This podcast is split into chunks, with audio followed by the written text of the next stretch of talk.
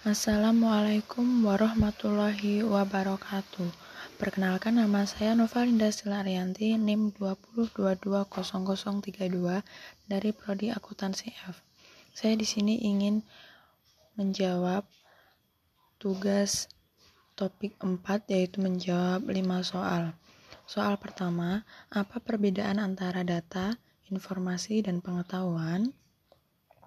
Data sendiri adalah sekumpulan teks angka dan simbol yang bersumber dari fakta namun belum mempunyai arti.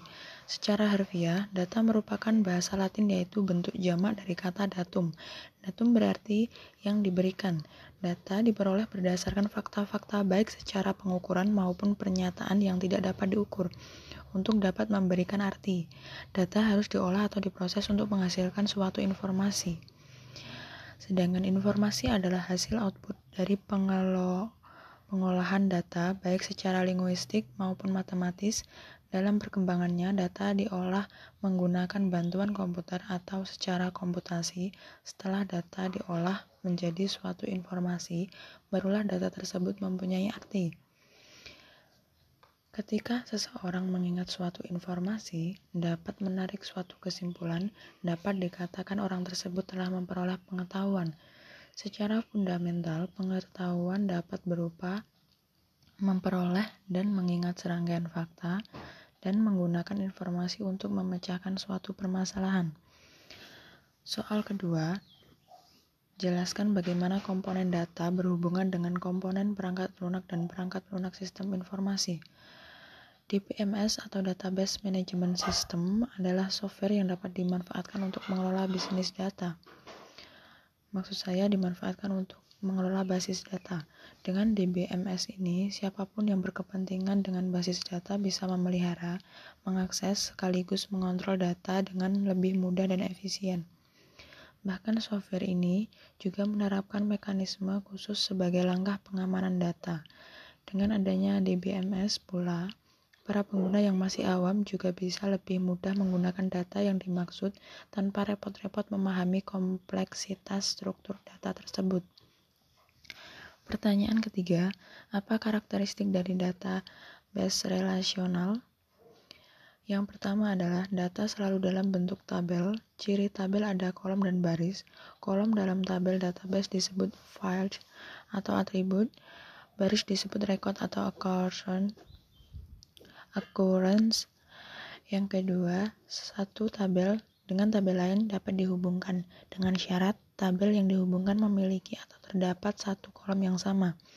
Excel bisa menghubungkan tapi lebih rumit dan tidak fleksibel, spreadsheet atau workbook. Yang ketiga, data yang sudah ada pada satu tabel tidak perlu disimpan dalam tabel lain. Redundance dapat diminimalkan penghematan data, contoh menyimpan data faktur, di dalam data faktur terdapat alamat pelanggan. Alamat pelanggan tidak disimpan di dalam tabel faktur, tapi disimpan dalam tabel pelanggan. Satu kali kita menyimpan alamat pelanggan pada tabel pelanggan, namun sedangkan faktur dibuat ribuan.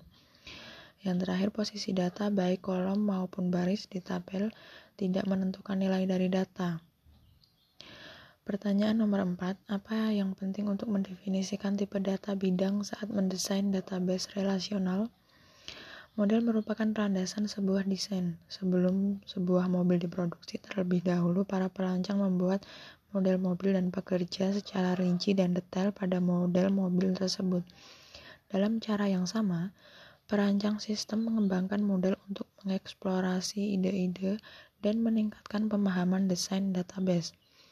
Tujuan sebuah model adalah membantu mengkomunikasikan konsep-konsep yang ada di pikiran orang. Model dapat digunakan untuk melakukan hal berikut: menyampaikan, mengkomunikasikan, mengkategorikan, menggambarkan, menentukan, menyelidiki, mengembangkan, menganalisis, dan meniru. Model yang baik adalah model yang cocok dalam banyak kegunaan, dapat dipahami oleh pengguna akhir, dan berisi detail yang cukup untuk pengembang dalam membangun sistem database. Pertanyaan terakhir, apa itu metadata?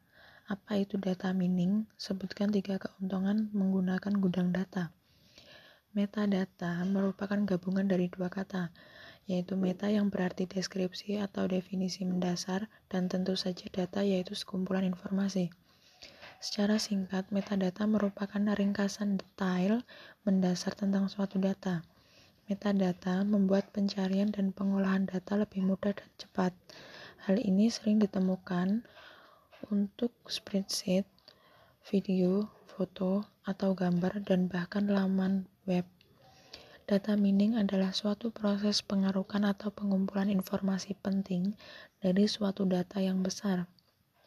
Proses data mining sering kali menggunakan metode statistika, matematika, hingga memanfaatkan teknologi artificial intelligence.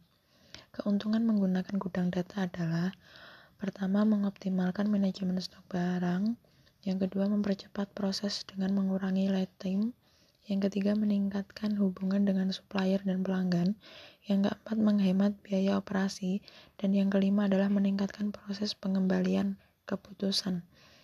Sekian yang dapat saya sampaikan, ada kurang lebihnya saya mohon maaf. Wassalamualaikum warahmatullahi wabarakatuh.